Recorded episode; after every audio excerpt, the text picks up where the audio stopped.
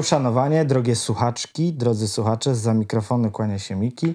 Pierwszy raz w Miki's Choice Radio gości trębacz i flugelhornista. Także kompozytor i instrumentalista, mocno związany z muzyką jazzową, choć nie stroni też od innych gatunków. Dzielił scenę z wieloma muzykami zarówno z zagranicy, jak i naszego kraju.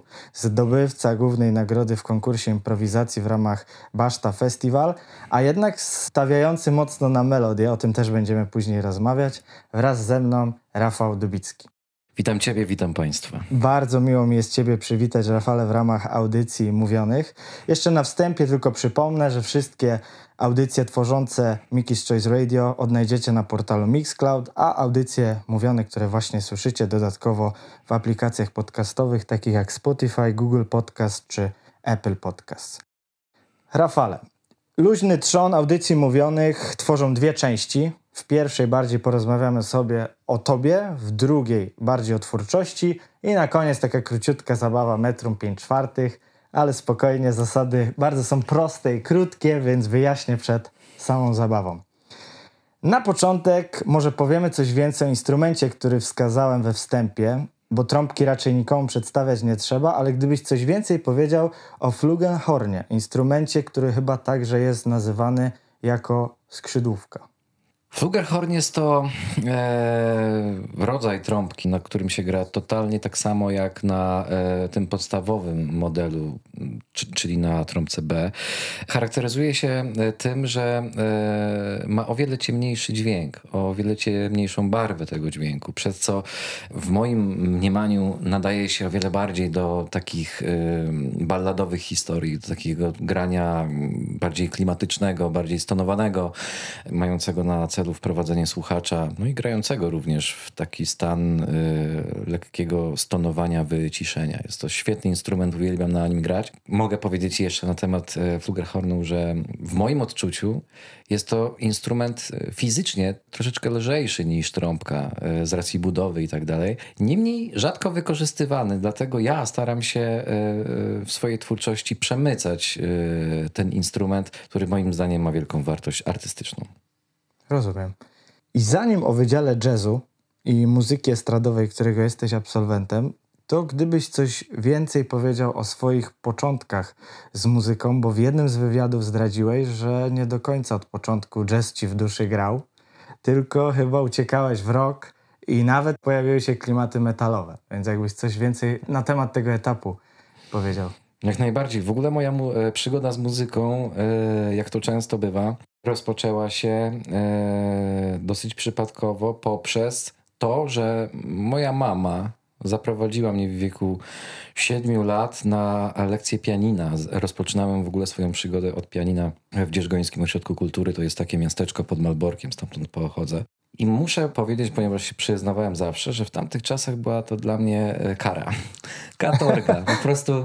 Czyli e, trudne początki. Bardzo trudne początki, jak to dziecko, e, ćwicząc e, te wszystkie etiudy klasyczne, poznając ten taką, tą taką, e, jak dziś oceniam, bardzo dobrą e, stronę nauki podstaw w ogóle gry na instrumencie.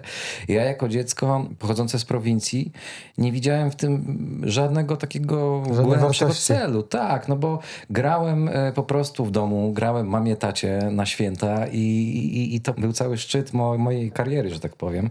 E, więc do jakiegoś 12 roku życia była to dla mnie totalna kara. W momencie, kiedy kończyłem podstawówkę, szedłem do gimnazjum, bo jeszcze były gimnazja wtedy, udało mi się wyprosić, wyprosić no bo już idę do gimnazjum, poważniejsza, prawda, e, sytuacja szkolna, abym nie musiał już uczęszczać na lekcje pianina, no bo muszę się zająć nauką. E, byłem zafascynowany historią, zwłaszcza historią Polski, czytałem wszystkie możliwe dostępne książki.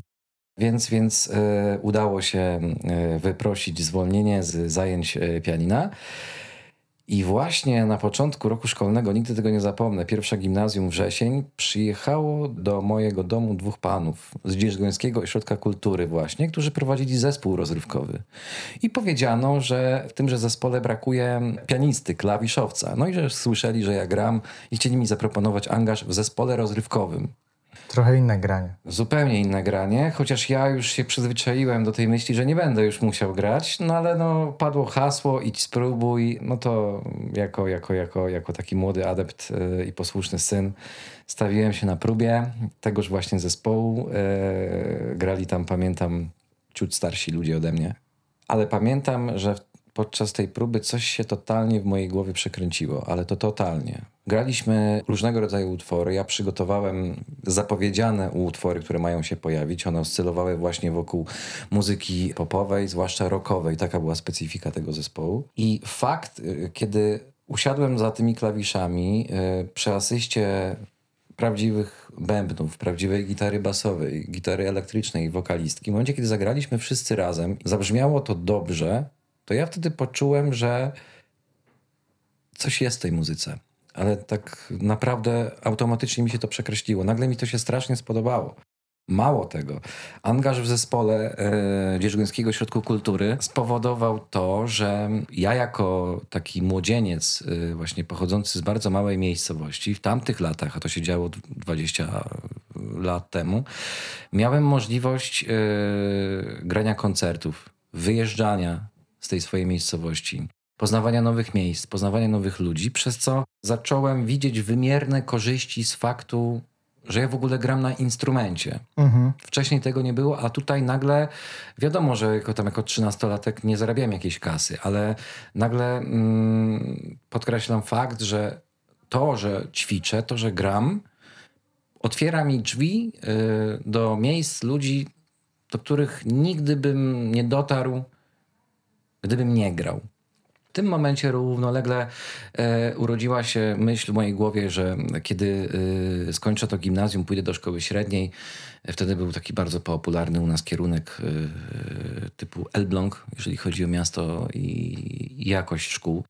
No więc idąc do szkoły średniej e, z przekonaniem, że będę historykiem, bo to była moja największa pasja wtedy, idąc do nowego miasta postanowiłem zabić czas zabić czas i zapisać się do wieczorowej szkoły muzycznej.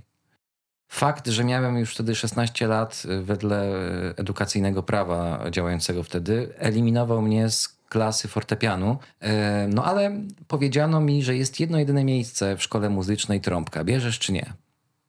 No to ja powiedziałem, że dobrze, no wezmę tą trąbkę. Nigdy nie myślałem, że będę grał na trąbce. Zresztą i tak będę ćwiczył na fortepianie, ponieważ fortepian w polskim szkolnictwie muzycznym jest obowiązkowy, jak polski czy matematyka e, w ogólnokształcących szkołach.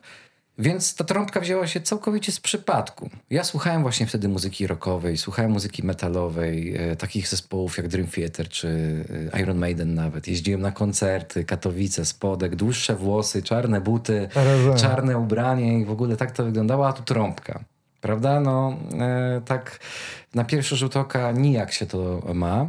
Zwłaszcza, że instrument, y, zwłaszcza w początkowej fazie, jest y, bardzo trudny, wymagający i niewdzięczny. Bardzo dużo czasu potrzeba y, na to, aby w ogóle wydobyć z niego jakikolwiek dźwięk, mhm. a potem zacząć grać jakieś logiczne frazy, melodie. Jeszcze wtedy klasyczne, ponieważ szkoła, szkoła do której chodziłem, nauczała muzyki klasycznej. Niemniej, w momencie, kiedy na tej trąbce zaczęło coś wychodzić, ja cały czas grałem w tych swoich zespołach nastąpił kolejny przewrót, ponieważ gdzieś tam w połowie właśnie szkoły średniej, kiedy już zaczynałem na tej trąbce grać całkiem rozsądnie, totalnie wyparło to właśnie historię, yy, totalnie wyparło to moje inne za, zainteresowania, pomysły na studia i tak dalej. I postanowiłem sobie wtedy, że yy, pójdę za marzeniami, które mi się urodziły w głowie i chcę zostać zawodowym muzykiem chcę zostać zawodowym muzykiem, obojętnie. Czyli ważna decyzja została tak, podjęta. Dokładnie, obojętnie, gdzie mnie to zaprowadzi, ale że no jednak nie, no jednak to mnie naprawdę jara, to mnie naprawdę gdzieś e, interesuje. Wtedy zaczynał się YouTube. E, jakieś pierwsze filmiki, internet, te sprawy, e, różnego rodzaju wzorce, i wtedy natrafiłem na trębaczy jazzowych, właśnie. E, takich jak Chet Baker, takich jak Freddie Hubbard, Wynton Marsalis. E, którzy, którzy pokazali mi tą stronę trębacza jazzowego, trębacza rozrywkowego. Kiedy grałem jeszcze klasycznie, odnajdując e, kwestie jazzowe, od razu pomyślałem, że to jest to, to, to jest ten mój kierunek, którym chciałbym pójść i po prostu realizować się jako trębacz jazzowy. Nie zapominając tej rockerce z tyłu głowy, ponieważ rockerka zawsze mi się podobała i podobać będzie. Automatycznie po szkole średniej e, powziąłem decyzję, że moim celem jest Akademia Muzyczna. Rozpocząłem studia na Wydziale Jazzu w Bydgoszczy. W Bydgoszczy. Wtedy się Bydgoszcz pojawił. Dokładnie. To właśnie tak? moje kolejne pytanie. Dokładnie. Ta Bydgoszcz i ten wydział wspomniany jazzu i muzyki estradowej. I właśnie teraz mówisz, jak tam się znalazłeś, ale powiedz mi, czy jakie masz wspomnienia właśnie z tą Akademią Muzyczną, bo tak też pytam swoich gości, którzy uczęszczali, że są różne. Czasami te wyobrażenia są jakieś niesamowite, troszeczkę może zbyt wygórowane, a później jest lekki zawód, albo w drugą stronę, że to właśnie poszło w takim kierunku ta edukacja, w jakim się oczekiwało. Jak to wyglądało w Twoim przypadku? Ja jestem bardzo zadowolony z y, czasów studiów, które spędziłem w Bydgoszczy. Miałem wybitnego profesora y, trębacza jazzowego Marcina Gawdzisa, który zaprezentował mi naprawdę bardzo szeroką paletę y, umiejętności, rozwiązań. Nauczyłem się od niego bardzo, bardzo, bardzo dużo. Idąc na studia, jak każdy uczeń, oczywiście miałem jakieś mankamenty, czy techniczne, e, czy muzyczne, które należało wyprostować. I właśnie w Bydgoszczy, i właśnie w Bydgoszczy znalazłem ludzi, którzy e, wyprostowali mnie, że tak powiem w cudzysłowie, e, totalnie, totalnie. Nauczyłem się grać bardziej technicznie, nauczyłem się grać bardziej e, dźwięcznie. Poznałem, co to improwizacja przy asyście mojego profesora Marcina Gawdzisa, także, także pod kątem edukacyjnym był to bardzo, bardzo cenny czas, który pomógł mi naprawdę w wielu e, sytuacjach, ponieważ też miałem to szczęście lub nieszczęście, zależy jak na to spojrzeć, że ja się bardzo szybko znajdowałem w, w miejscach, w których może jeszcze być nie powinienem. Dosyć szybko dostawałem angaże, czy to na kontraktach zagranicznych, czy na statkach wycieczkowych, czy innych kontraktach, czy koncertach, e, chociażby e, z Rayem Wilsonem e, Genesis, nawiązanie do rockerki, wielkie sceny i tak dalej. Ja miałem wtedy naprawdę 20 parę lat, mhm. 21, 22 lata, więc dla młodego człowieka było to przeżycie. W związku z tym musiałem korzystać z wiedzy, którą miałem i przeskakiwać te schodki, może nie pojedyncze, ale co, co dwa, co trzy, żeby nadążyć za swoimi starszymi kolegami, poważnymi muzykami, więc, więc e, Bydgoszcz i czasy studiów w Bydgoszczy dały mi naprawdę bardzo wiele jako muzykowi, bardzo wiele jako trębaczowi, no i też świetnie się bawiłem. No i chyba ważną, może w jakimś stopniu trudną decyzją było, że jednak znalazłeś się później, rozumiem, po studiach w stolicy i jak wyglądały te twoje pierwsze muzyczne kroki tutaj w Warszawie, bo podejrzewam, że nie było łatwo. No więc to jest też ciekawa historia, ponieważ ja do Warszawy pierwszy raz e, na jam session, jeszcze do klubu Barometr w centrum, przyjechałem e, w 2011 roku, jeszcze podczas studiów, za namową kolegów, którzy mówili o tym, że mm, przyjedź do Warszawy, pograsz sobie, poznasz ludzi. Więc ja pomyślałem, że nie mam nic do stracenia. No, absolutnie jest to miasto wielu możliwości i jest to miasto, do którego ciągną rzesze muzyków z całej Polski, obojętnie gdzie studiując, więc postanowiłem również wziąć yy, sprawy w swoje ręce i spróbować zaprezentować się na warszawskich dżemach, poznać trochę ludzi Wyglądało to tak, że po prostu wsiadałem w pociąg w Bydgoszczy, przyjechałem, przyjeżdżałem na dżem, kończył się dżem, wsiadałem w pociąg, wracałem do Bydgoszczy. Naprawdę. To Bardzo treściwe wyjazdy. Do, dokładnie. I powiem e, tobie, powiem państwu, że to, co mnie spotkało na pierwszym dżemie było dla mnie no, totalnym ewenementem. Pamiętam, że w klubie Barometr od razu poznałem ludzi, z którymi współpracuję e, do dziś, których bardzo cenię, których bardzo szanuję, takich jak Marcin Pendowski, basista, Michał Sołtan, gitarzysta, Marcin Kajper, e, saksofonista.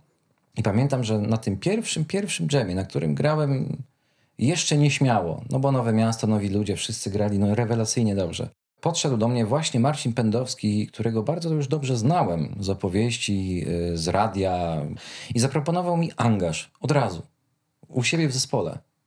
Ja się oczywiście od razu zgodziłem z miejsca, no bo to są takie historie rodem z jakichś amerykańskich filmów, prawda? Ameryka, kraj wielkich możliwości i mi się to przydarzyło w Warszawie.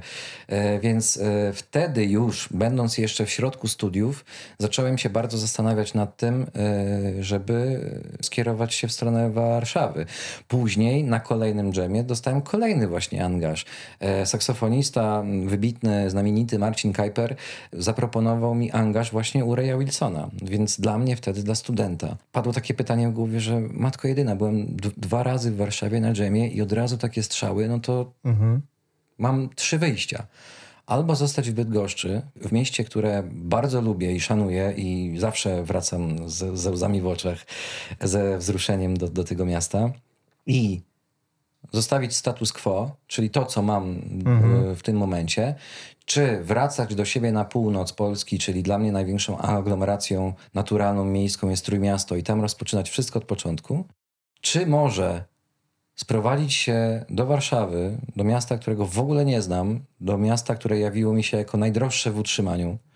Ceny mieszkań. Ale sprawy. zagrać już kartami. Ale zagrać już jak... jakimiś kartami, które mam. Które masz. Dokładnie. No to postanowiłem zaryzykować i przyjechać do Warszawy.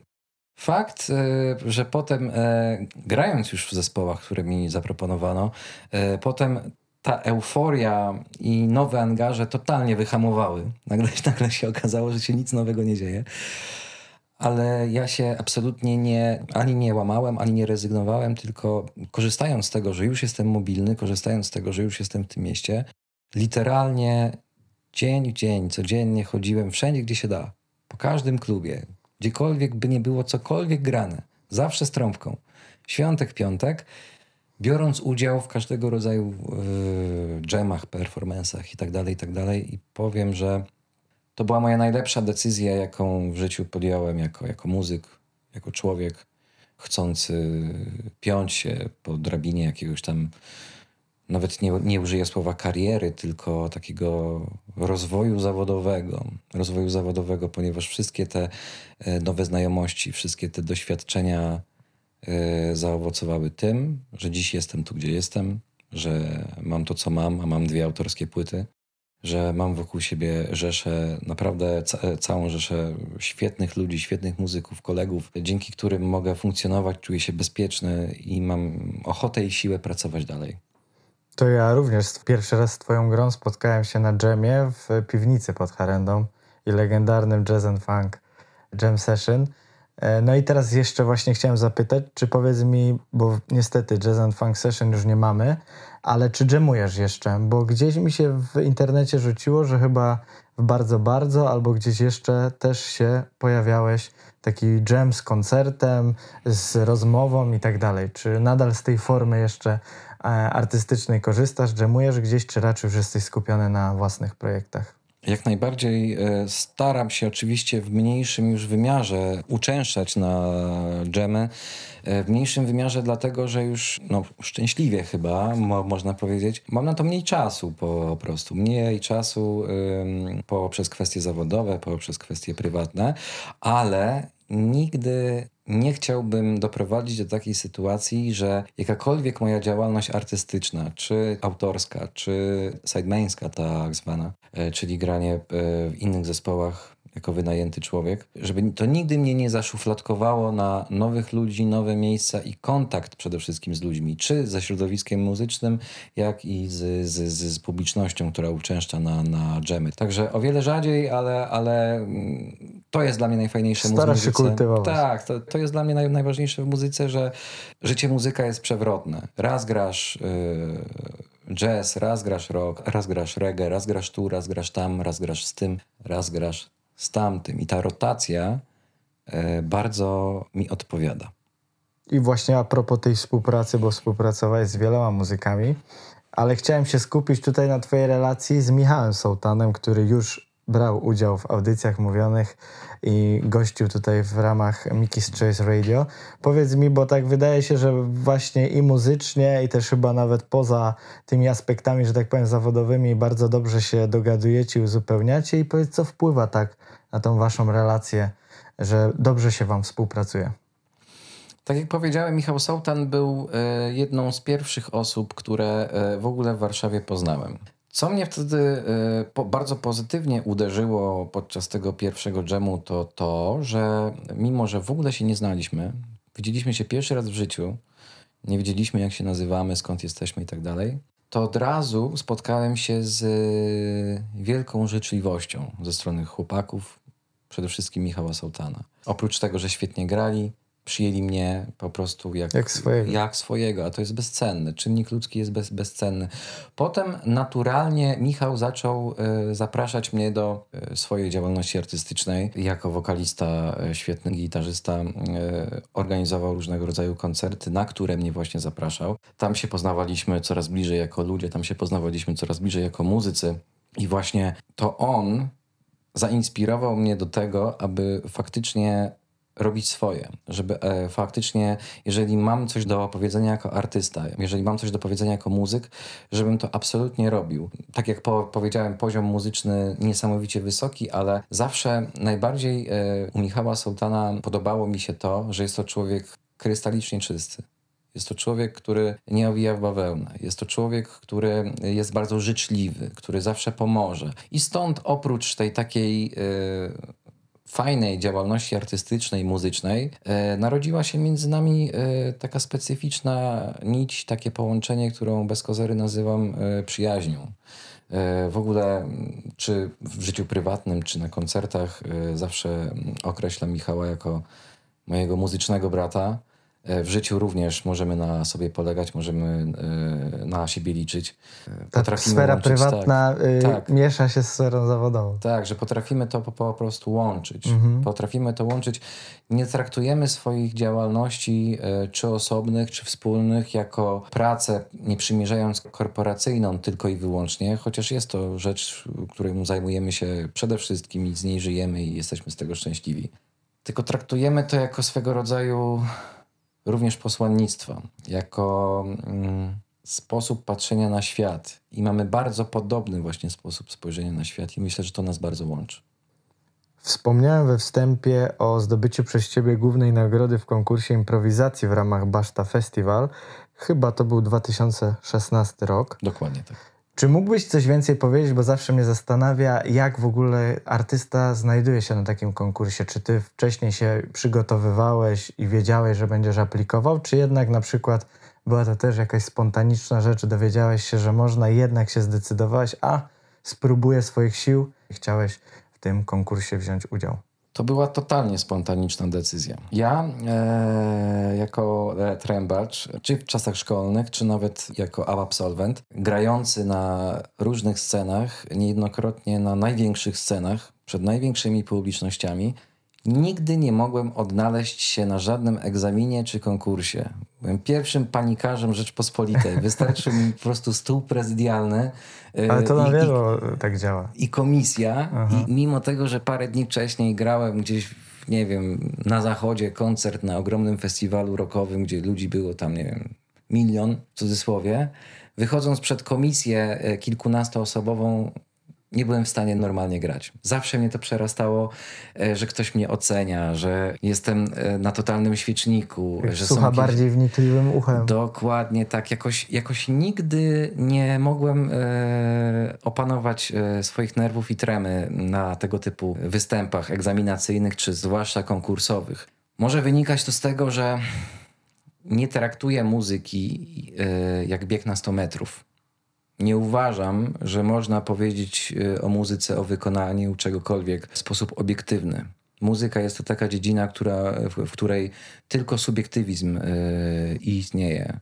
E, nie mamy stopera, żeby zmierzyć komuś czas wła- właśnie na setkę, tylko albo coś ci się podoba, albo ci się coś nie podoba.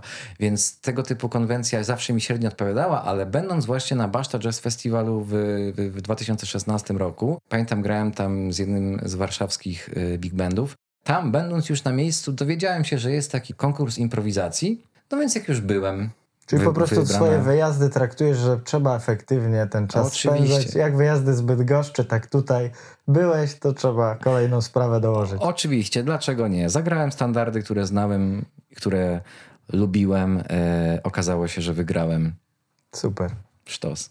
No właśnie często pytam, bo powiem szczerze, że już, e, już teraz nie będę przywoływał, bo mogę pomylić, ale e, któryś z osób, która gościła właśnie w audycjach mówionych, podobnie, że brał udział w festiwalu, wygrała nagrodę, a też ta aplikacja jakby była dosyć, nawet nie dosyć, ale mocno spontaniczna. Dlatego pozwoliłem sobie zadać to pytanie. Wskazuje się, że nie boisz się wyzwań i starasz pogodzić trudność muzyki jazzowej z łatwiejszym odbiorem muzyki rozrywkowej. Czy zgodzisz się z tezą, że poprzez swoje albumy e, starasz się przekonać słuchaczy, że muzyka jazzowo-instrumentalna nie musi być trudna i tylko skierowana do wytrawnych słuchaczy? Zdecydowanie tak. Obie płyty, pierwsza Story About Emotions z 2019 roku i zeszłoroczna Shadow on the Space, jest to e, swego rodzaju miks różnych stylistyk, z którymi miałem do czynienia przez całe swoje e, artystyczne życie. Znajdują się tam utwory o charakterystyce stricte jazzowej, stricte rockowej, totalnie. Utwory wymieszane, utwory nawet zakrawające momentami o pop. Wydaje mi się, że muzyka jazzowa, e, muzyka instrumentalna poprzez wszystkie swoje dotychczasowe lata ewolucji zatraciła mm, swego rodzaju główne przesłanie. Muzyka instrumentalna jest to muzyka bardzo obrazowa. Nie ma słów, y, które mm, narzucają słuchaczowi y, interpretację, tylko każdy na swój sposób może daną melodię zinterpretować po swojemu, z czym ona się kojarzy, y, jakie wspomnienia przywołuje i tak dalej. Może czasami coś tytuł sugerować. Dokładnie tak, ewentualnie tytuł, co poeta miał na myśli, ale spotkałem się z takimi opiniami po koncertach, że ktoś pomyślałby zupełnie coś innego zupełnie coś innego. Słuchając moje, mojego utworu, on poszedł interpretacyjnie zupełnie w drugą stronę. Jeżeli chodzi o muzykę jazzową, to y, moim takim najbardziej ulubionym okresem, y, zawsze to podkreślam, jest muzyka lat 50., 60., kiedy w tej muzyce brylowała i królowała właśnie melodia. I melodia jest takim moim głównym wyznacznikiem w komponowaniu czegokolwiek. Zależy mi na tym, żeby utwór, melodia utworu pozostało ze słuchaczem dłużej niż do końca trwania tego utworu. Ja sam komponując w domu, improwizując, tworząc swego rodzaju melodię, e, działam tak, że nie budzę się rano, nie mówię sobie dzisiaj piszę na płytę, czy dzisiaj piszę singiel, tylko po prostu siadam do fortepianu i gram. Powstają przy tym e, melodie, gramy myśląc o, nie wiem, o swoim życiu, o rzeczywistości nas otaczającej i tak dalej. E, podczas tej gry powstają melodie, które jeśli następnego dnia jestem powtórzyć jeden do jednego, to jest to dla mnie znak sygnał, że może coś w tym jest i warto się nad tym tematem pochylić. I właśnie w ten sposób działając, w ten sposób ubierając utwory w melodię, staram się nawiązać do przystępności tej muzyki, ponieważ takiemu zwykłemu Kowalskiemu niestety yy, na dzień dzisiejszy jazz kojarzy się bardziej z jazgotem niż z muzyką. Jest dla niego to... Jakiś free jazz, fusion. Dokładnie. Jest to dla niego troszeczkę niezrozumiałe. To nie jest jego wina, że on tego nie rozumie, yy, ale, ale jeżeli jest coś dla nas niezrozumiałe, to od razu odpychamy to od siebie. Co jest yy, troszeczkę smutne i niesprawiedliwe wobec muzyki jazzowej, którą uważam za muzykę yy, no, rewelacyjną, muzykę właśnie ilustracyjną, muzykę obrazową, która może oddziaływać na człowieka naprawdę bardzo. W związku z tym ja, yy, nagrywając swoje utwory, nie patrząc na aktualne trendy, tak zwanych jazzowych kompozycji, które dziś powinno się gdzieś tam wykonywać, bo wtedy można nazwać to jazzem. Gram po prostu muzykę, którą chcę przekazać ludziom, aby wprowadzać ich w dobry nastrój, aby wprowadzać ich w zadumę, aby wprowadzać ich w różnego rodzaju stan, żeby ubarwiać im świat, życie i aby przekonać ich do tego, że taka muzyka również jest przyjemna i coś za sobą niesie. Też powiedziałeś w jednym z wywiadów, że właśnie dla ciebie najprzyjemniejszym komplementem byłoby, jeżeli ktoś powie, że nie zna się, ale bardzo mu się podoba. Tak, Czyli tak. możemy z tego wnioskować, że nawet bardziej byś chciał swoją muzyką zachęcać do jazzu nowych słuchaczy, niż zadowolić tych, którzy już w tym jazzie są rozkochani. Rozumiem, że chciałbyś, żeby te nowe jakieś osoby wchodziły do tego z worka, że tak brzydko powiem, słuchaczy jazzu i żeby ich zachęcić do tego rodzaju muzyki. Absolutnie tak. Faktycznie niejednokrotnie e, były takie sytuacje, kiedy po koncertach podchodziły do mnie osoby i naprawdę mówiły coś takiego, panie Rafale, czy tam Rafał, w ogóle nie słucham jazzu, w ogóle nie, nie interesuję się tego rodzaju muzyki, ale to mi się podoba. I naprawdę jest to e, bezcenne, ponieważ nie gramy i nie piszemy dla innych muzyków. Nie piszemy dla recenzentów, nie piszemy dla konkretnych, że tak powiem, grup, tylko piszemy dla wszystkich. I fajnie jest, kiedy tak zwany koneser, yy, czy tam znawca, ktoś, kto jest zatopiony, docenia to, co robisz, docenia to, jak grasz. Yy, inaczej się z taką osobą rozmawia, bo ta osoba wie, o czym mówi. Ale wartością dodaną i największą jest to, kiedy faktycznie swoją grą, swoim podejściem przekonasz oponenta, przekonasz kogoś, kto deklaruje, że czegoś nie lubi, do tego, że on jednak to lubi. Tylko może napotkał na początku drogi zły przykład, albo przykład, który nie trafił akurat do niego, e, do jego świadomości, i, i tak generalizując, cała ta muzyka jest zła. Bardzo się cieszę z takich e, komplementów. E, takie komplementy najbardziej mnie uskrzydlają i najbardziej e, powodują to, że jestem świadomy słuszności swojego postępowania i nie zamierzam go zmieniać. I tutaj zakończyliśmy pierwszą część, tą bardziej stanowiącą o tobie. Teraz przejdziemy do twórczości. I zanim zajmiemy się twórczością, o której już wspomniałeś, dwa albumy, o nich sobie bardziej wnikliwie troszeczkę później porozmawiamy. Chciałem jeszcze zapytać, bo natrafiłem na taką informację, że występujesz w składzie zespołu yy, właściwie big bandu, Jazz Big Band 75, orkiestrze jazzowej działającej przy Pałacu Młodzieży w Bydgoszczy. Nawet jest w tej informacji, że w najlepszych sezonach 40 muzyków brało udział. I chciałem zapytać, jak właśnie się odnajdowałeś w takim graniu, gdzie no, ja sobie nie wyobrażam, 40 muzyków na scenie to musi być niesamowite doznanie. I jak grywasz jeszcze nadal w tym big bandzie, czy raczej to już z czasów właśnie jak e, po ulicach Bydgoszczy się przechadzałeś, to wtedy byłeś w tym składzie? Niestety faktycznie nie gram już w tym składzie. Mo, e, koniec mojego bytu w Bydgoszczy zakończył mój angaż e, w Big Bandzie 75 Bydgoskiego Pałacu Młodzieży pod kierownictwem Piotrusia Dołombrowskiego. Bardzo dobrze się odnajdywałem i, i, i, w dalszym ciągu odnajduję w składach typu big band. Jest to yy, z muzycznego, jazzowego, rozrywkowego punktu widzenia dla mnie jedna z najlepszych istniejących konstelacji zespołowych, jakie są. Totalnie potężne brzmienie, pięć saksofonów, cztery puzony, cztery trąbki, sekcja rytmiczna, czyli perkusja, bas, piano, yy, czasem jakiś wokal z takimi kadrami można naprawdę osiągnąć wiele kolorów y, w muzyce, y, wiele delikatności, ale i ogromną siłę w brzmieniu. Ponieważ jak czterech trąbaczy zagra naraz, to zdajemy sobie sprawę, jest jak power. to może. No właśnie, jest totalny power. Więc grałem właśnie w Big Bandzie 75, bardzo miło to wspominam. Równocześnie grałem w Big Bandzie El Jazz Big Band Józefa Eliasza, yy, również z Bydgoszczy.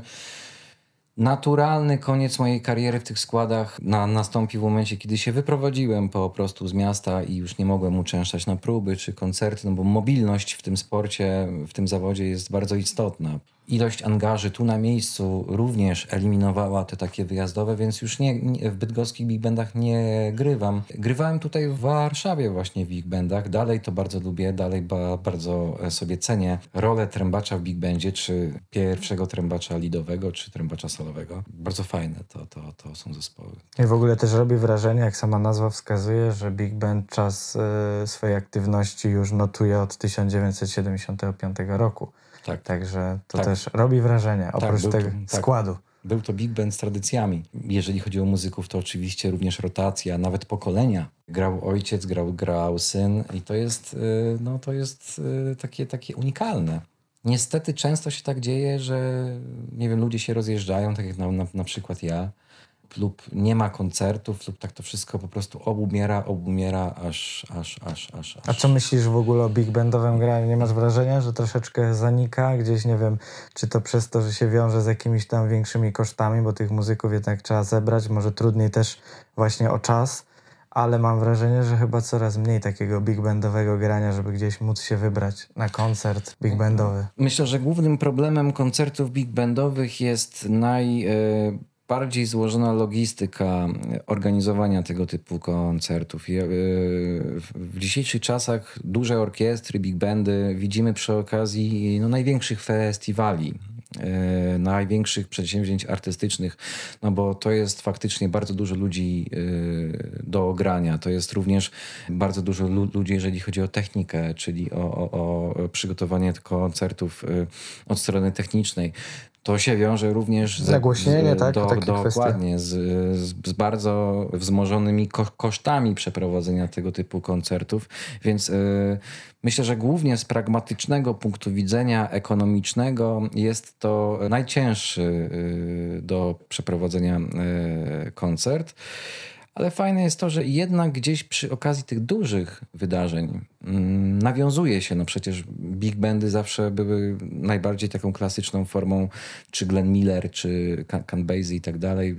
To, to, to były y, zawsze istniejące składy, zawsze bardzo takie i rozrywkowe, i poważne sytuacje się tam po prostu odbywały, jeżeli chodzi o muzyków, o partie solowe, o, o partie zespołowe, więc no, yy, szkoda, że jest tak mało tych koncertów, ale myślę, że to nigdy nie zaniknie, ponieważ splendor zawsze będzie podnosił, splendor tych występów zawsze będzie podnosił rangę tych największych gali.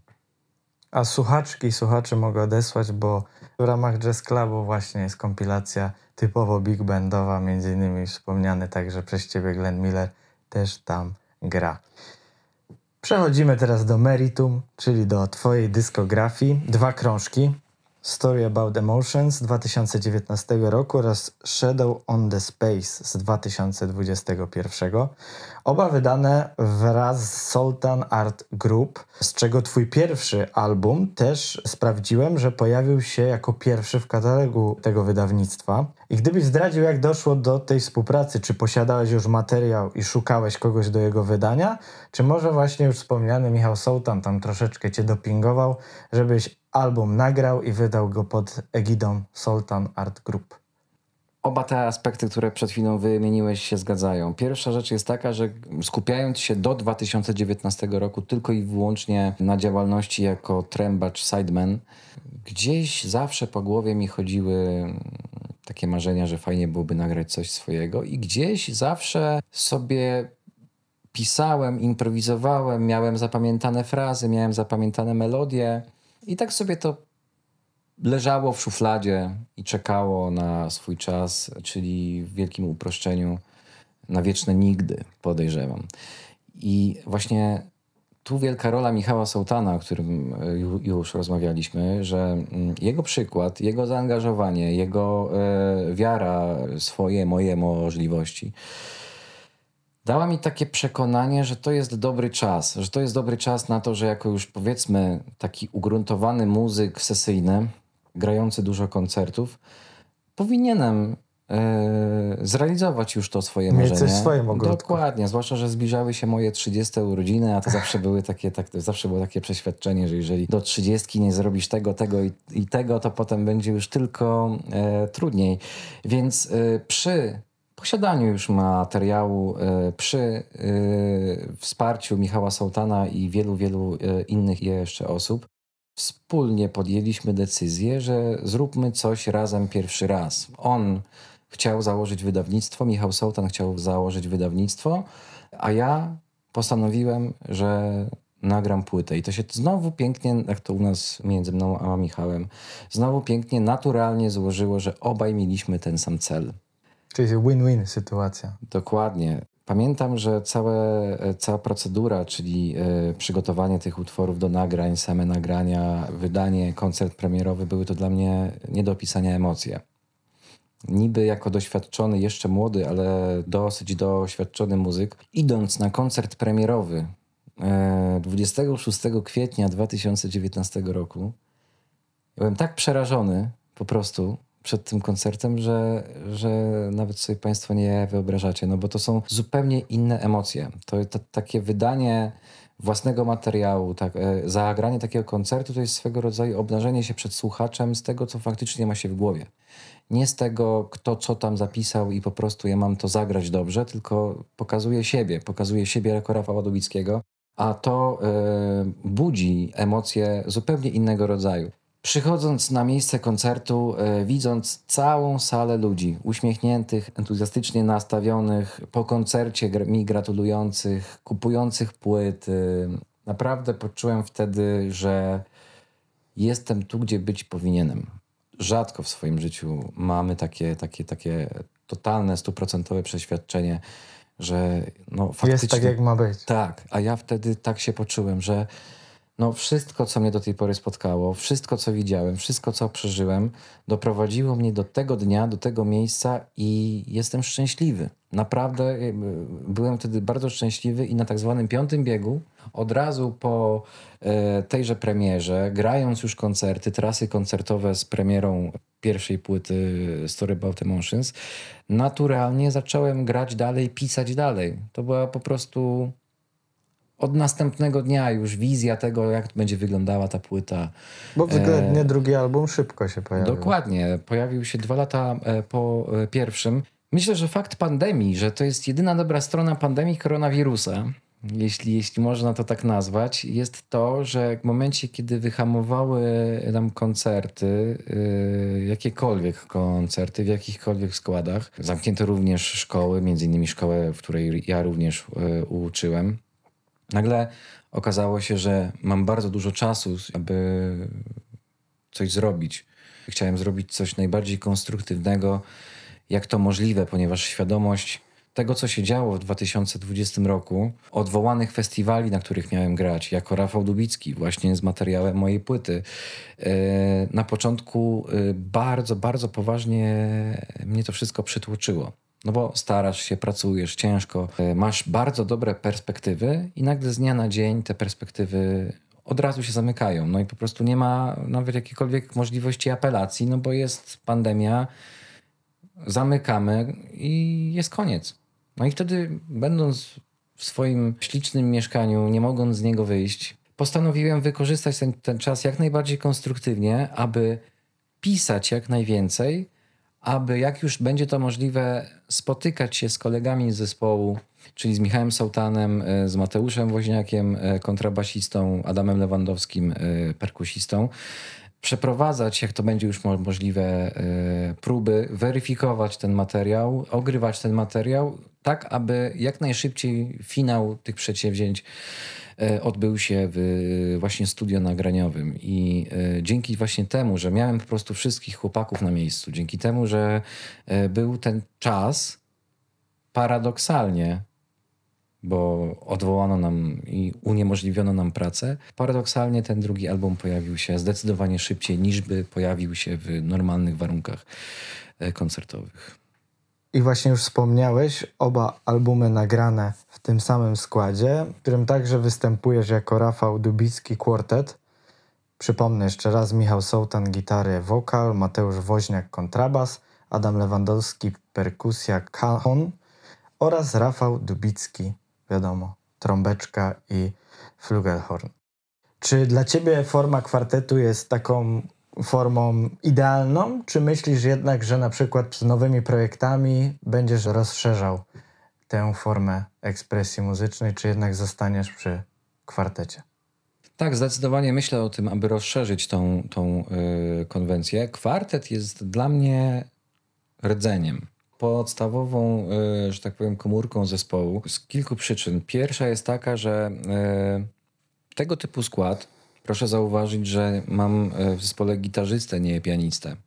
U Michała też Sołtana w tych jego, że tak powiem, konstelacjach muzycznych widać, że te klawisze też omija, więc tu też jest, macie wspólny grunt. Dokładnie, ponieważ Michał Sołtan jako e, świetny jazzman e, jest też zbuntowanym rockmanem, mhm. więc, więc absolutnie a absolutnie mamy tutaj kolejne nawiązanie do, do młodzieńczych pasji, e, ale właśnie nie mam fortepianu, tylko mam gitarę z tego względu, że po pierwsze właśnie te aspekty rockowe, a po drugie brzmienie, które oferuje gitara, efekty e, pozwalają na uzyskanie pewnego rodzaju barw dźwięku, które, które e, pozwalają na odjeżdżanie w pewne takie rewiry muzyki, których przy fortepianie bym nie uzyskał. Więc, więc e, raz, że instrumentarium e, jest dla mnie e, totalnie podstawowe, trzyosobowa sekcja rytmiczna i ja jako solista. Drugą sprawą jest taką, że każdy z chłopaków grających u mnie w zespole prezentuje niesamowicie wysoki poziom wykonawczy. Są to bardzo sprawni, znakomici muzycy, bardzo doświadczeni muzycy, dzięki czemu ja jako frontman y, wiedząc, że mam wokół siebie takich ludzi, czuję się naprawdę bardzo, bardzo komfortowo i jest to baza, totalna, na której można budować wszystko. Dwa krążki zostały nagrane w tejże właśnie konstelacji. Nie zdecydowałem jeszcze, jak będzie wyglądała e, moja fonograficzna przyszłość, ale utwory powstają. Niemniej w tych nowych utworach myślę bardzo o tym, żeby dokładać do tego składu, nie e, rewidować kwartet, tylko do kwartetu dokładać jakieś, jakieś dodatkowe elementy w postaci dodatkowego instrumentu, tudzież instrumentów, ale konkretów nie będę zdradzał. Konkrety pojawią się wraz z nowymi utworami. Inspiracją do pierwszego albumu były Twoje własne doświadczenia. Możesz oczywiście poprawiać, tak gdzieś doczytałem. Chyba głównie te muzyczne, oczywiście. A co działało na inwencję twórczą podczas prac do drugiego albumu, czyli Shadow on the Space? Wyjściowym aspektem e, wyobraźni tworzącej e, krążek Shadow on the Space była okładka tej płyty. Na okładce płyty widzicie Państwo e, cień, mój cień na tle morza, statki. Jest to obraz namalowany przez wybitną malarkę Magdalenę Jankowską. I w ogóle chciałbym podkreślić, że to nie jest grafika stworzona na potrzeby okładki płyty. To jest organiczne zdjęcie, które zrobiono mi podczas jednego z występów i właśnie oglądając to zdjęcie, oczywiście zostałem oznaczony e, w internecie i kiedy zobaczyłem to zdjęcie, od razu urodziła mi się ta fraza tytułowa. Od razu yy, wyobraziłem sobie kierunek utworów, który chciałbym zachować podczas komponowania tejże właśnie muzyki. Oczywiście nawiązania do starych stylistyk, czy jazzowych, czy rockowych, czy zespołów, w których grałem, gram. E, oczywiście one jak najbardziej były aktualne cały czas. To nie jest tak, że przez dwa lata przeżyłem jakiś totalny katarzis, który wymazał z mojej świadomości specyfikę grania konkretnych e, styli, ale faktycznie takim zarzewiem wszystkiego było to zdjęcie. Był ten obraz, ten cień, jako taka alegoria, jako taka przenośnia, że muzyka jako taka w ogóle, nie zamykając jej tylko na kategorie typu jazz, rock i tak dalej, że muzyka jest swego rodzaju przestrzenią, a to, co my z nią zrobimy, to jest rzucenie własnego cienia na tą właśnie przestrzeń. Ja chciałem to uzyskać. Wszystko jest to, co chciałeś zachować, właśnie te melodie, bardzo e, dźwięczny, bardzo fajny album. W Twojej twórczości można też zaobserwować taki swoisty dualizm, e, zarówno w sferze muzycznej, jak i wizualnej. Lubisz mieszać na przykład dwa motywy, gdzie jeden jest taki bardziej dynamiczny, ale prowadzi konwersację z tym wolniejszym. Mam tu na myśli na przykład utwór Some Place. I teraz chciałem zapytać, chyba lubisz takie połączenia w ramach swoich kompozycji, w ogóle taką brzmieniową różnorodność, bo tym także charakteryzują się właśnie Twoje albumy. Zdecydowanie lubię łączyć różnorodności, tak jak w ogóle w życiu swoim muzycznym nie lubię jednostajności, lubię grać z wieloma ludźmi, lubię być w różnych miejscach. E, byłbym bardzo nieszczęśliwy, grając w jednym zespole nawet bardzo, bardzo dużo, zarabiając bardzo, bardzo dużo pieniędzy. Byłbym i tak nieszczęśliwy, że jestem tylko w jednym układzie.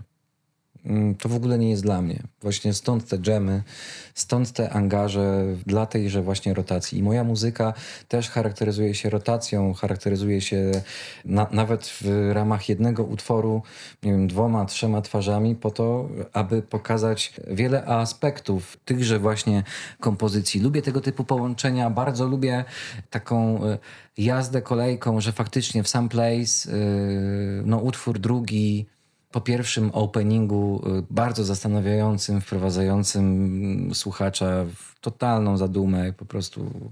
Y, Piękne jest to otwarcie. Bardzo dziękuję. Y, w, w zastanowienie.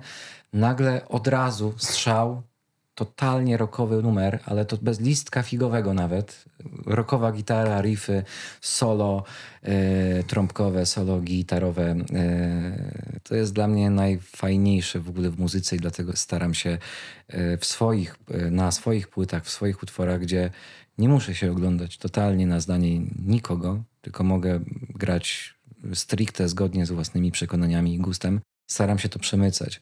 Dodatkową wartością jest to, że mm, do tych utworów y, powstaje bardzo dużo klipów. Mm, lubię również bardzo połączenie. Tutaj odsyłam na Twój profil na YouTubie. Klipy się tam znajdują oficjalne. Tak, zapraszamy serdecznie. Rafał Dubicki, tam znajdują się moje y, klipy, które udało się przez te no już trzy lata sol solowej działalności zrobić. Jest ich tam całkiem sporo. Kolejne nawiązanie, kolejne połączenie muzyka-film. Uwielbiam połączenie dźwięku i obrazu.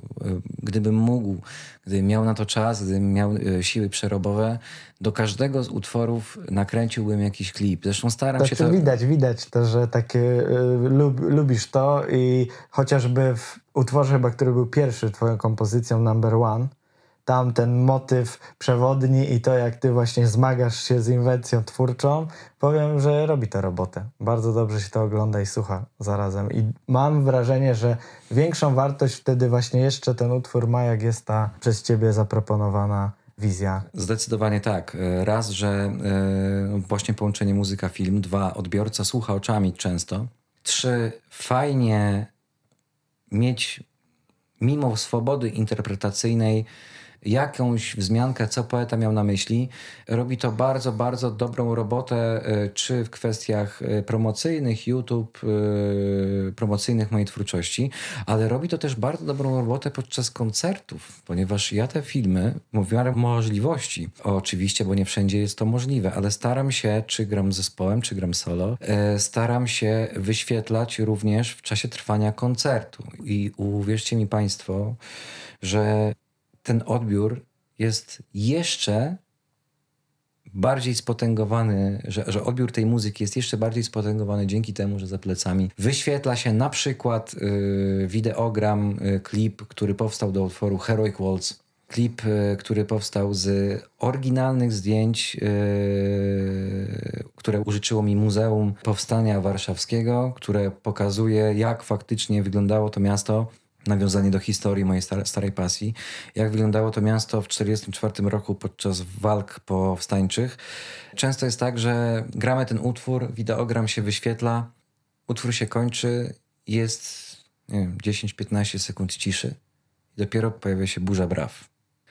Jest to moim zdaniem bardzo wielki sukces artystyczny, bardzo, bardzo wielki sukces taki popularyzujący w ogóle to zagadnienie. I y, w każdym innym utworze staram się robić dokładnie to samo. Stworzyć obraz. W ogóle moim marzeniem jest jeszcze niespełnionym, mam nadzieję, że kiedyś, kiedyś się to uda, napisać muzykę do pełnowymiarowego filmu. Uważam, że bardzo bym się w tym odnalazł, ponieważ bardzo oddziałuje na moją muzyczną y, wyobraźnię obraz coś, co widzę. Było mi dane kilkukrotnie napisać muzykę do, do, do pojedynczych scen, do całego filmu jeszcze nie, ale trzymajcie Państwo kciuki, może kiedyś będzie mi to dane. Ale tak jak już mówimy o filmie, to mam tutaj pytanko, bo dotyczyć będzie właśnie muzyki filmowej i twojego wkładu w soundtrack do filmu Macieja Pieprzycy Jestem mordercą. W internecie znalazłem tylko enigmatyczne stwierdzenie przy twoim nazwisku. Pracował także przy rejestracji muzyki filmowej, innymi skomponowanej przez Bartosza Hajdeckiego.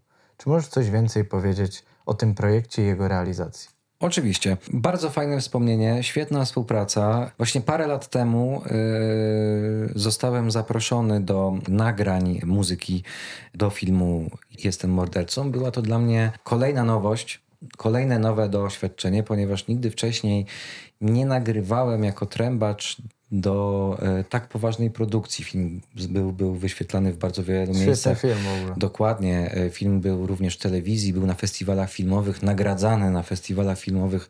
Było to bardzo ciekawe doświadczenie, ponieważ historia tego filmu traktuje, wiadomo, o bardzo ciemnych sprawach przestępczych. I ja dostając e, dyspozycję, że tak się wyrażę, od e, kompozytora, dostałem również bardzo dużo wolności od kompozytora. W ogóle bardzo szanuję Bartosza Hajdeckiego, bo to jest właśnie taki kompozytor, który pisząc utwory filmowe również myśli melodią i bardzo mi to imponuje. A ja oprócz dźwięków, które zostały mi tam zapisane, dostałem również miejsca, w których mogłem zagrać totalnie zaimprowizowane mm, partie, jak Miles Davis winną na szafot, prawda? Więc e, dźwięki, które Państwo słyszycie w tym filmie, powstały poprzez wskazówki kompozytora, powstały poprzez e, jakąś taką interpretację, szukanie tego klimatu, budowania tego klimatu versus temat, który został poruszony przez autora filmu. Także takie również pierwsze zarzewie tych marzeń, jeżeli chodzi Czyli już o... doświadczenia filmowe masz, czyli tak, teraz tak, tak, tak, po tak. prostu, żeby zrobić coś w pełni swojego. Dokładnie tak. Jeszcze tylko zamykając wątek koncertowania, króciutkie pytanie, bo y, gdzieś się też spotkałem z zapowiedziami Twoich koncertów jako solo akt. Czy często występujesz solo na scenie, czy to raczej incydenty?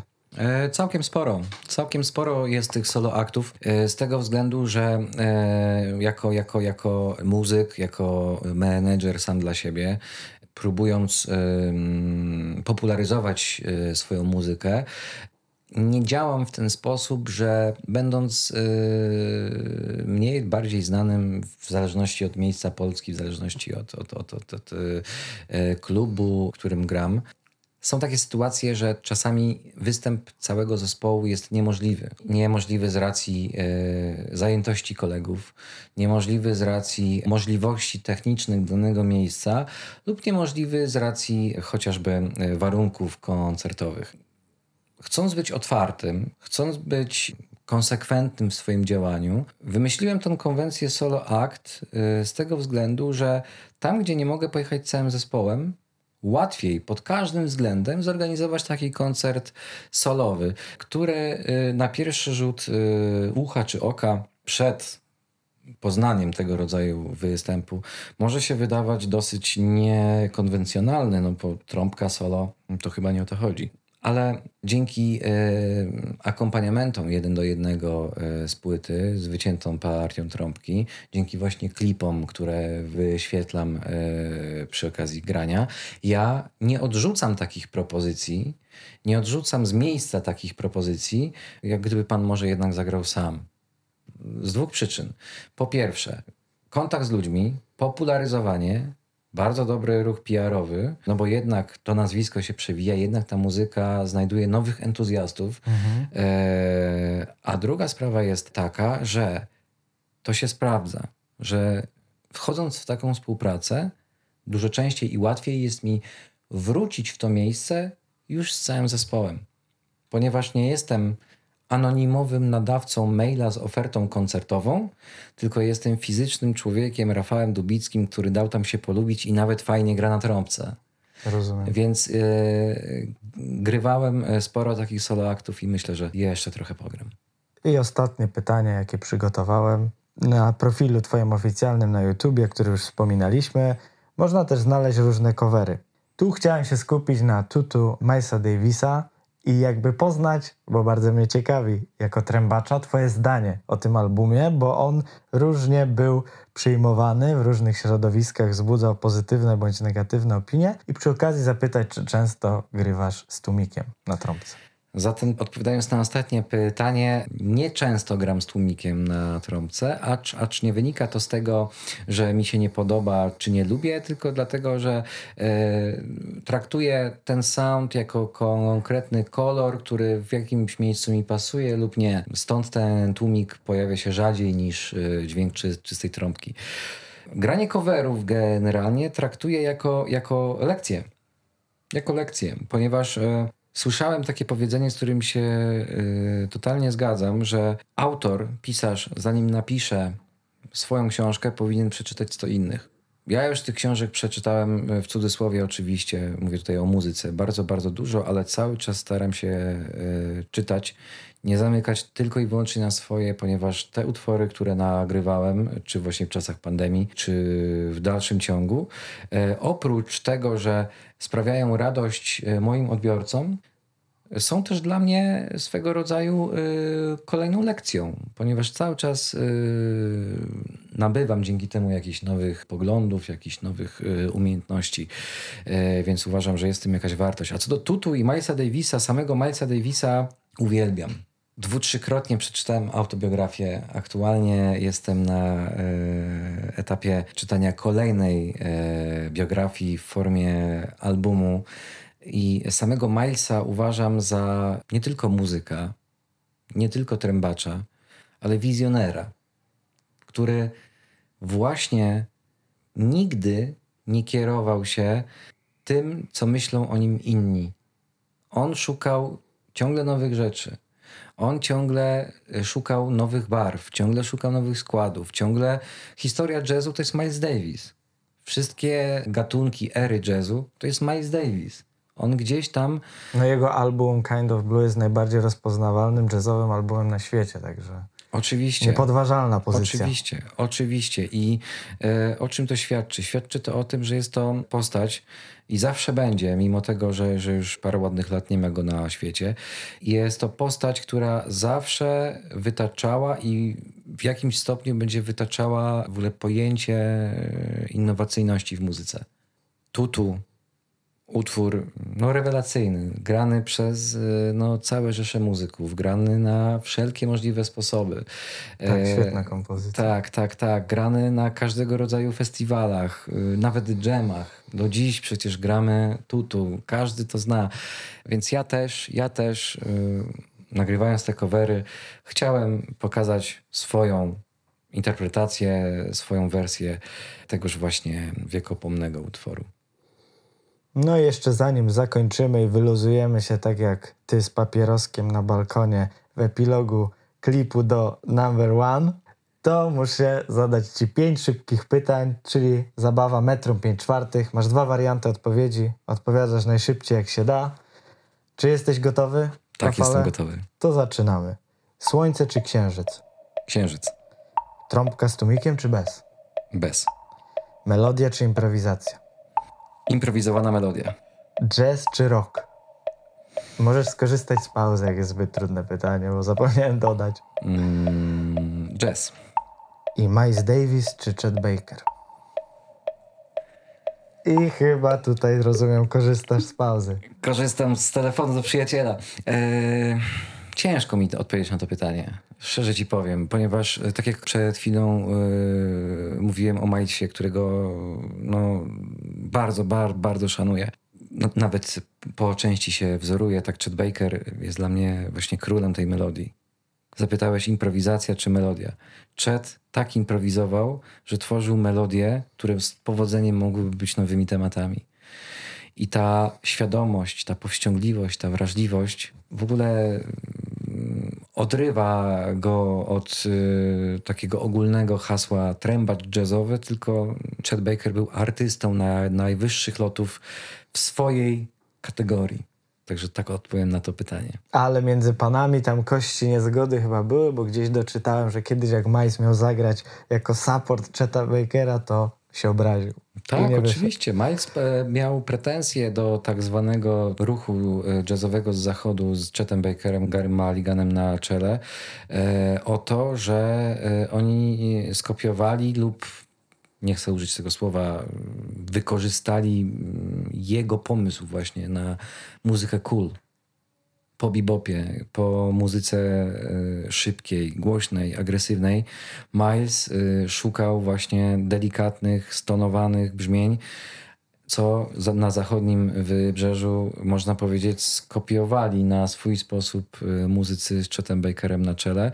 I on postrzegał to nie jako nawiązanie do twórczości Milesa, tylko jako, jako jakieś takie pod... Mhm kradzenie, mhm. może za mocne to jest słowo i nie trafione, ale pod, y, podłapanie i budowanie swojej y, świetności na czymś, co wymyślił właśnie Miles.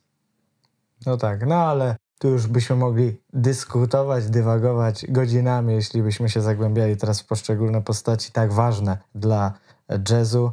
Tyle ode mnie. Dziękuję Ci bardzo serdecznie, Rafale, za poświęcony czas i tutaj chęć rozmowy przede wszystkim zdrówka I życzę Ci oczywiście, bo tak chyba wyczuwam, że coś tam się szykuje tego nowego projektu. Nie chcę zbyt dużo mówić, więc nie będę ciągnął za język, ale myślę, że nie tylko ja cierpliwie czekamy na ten album. Ja również ślicznie dziękuję za rozmowę. Pozdrawiam wszystkich bardzo serdecznie i do zobaczenia na koncertach. Dziękuję również Wam, drogie słuchaczki i drodzy słuchacze. Usłyszymy się w kolejnym muzykomacie okraszonym numerem 3, który pojawi się 24 lipca, a następne audycje mówione w pierwszy poniedziałek sierpnia. Tradycyjnie zachęcam do sprawdzenia pozostałych cykli tworzących Mickey's Choice Radio. Dużo dobrej muzyki od jazzu po elektronikę. Wszystko znajdziecie na portalu Mixcloud. Do usłyszenia.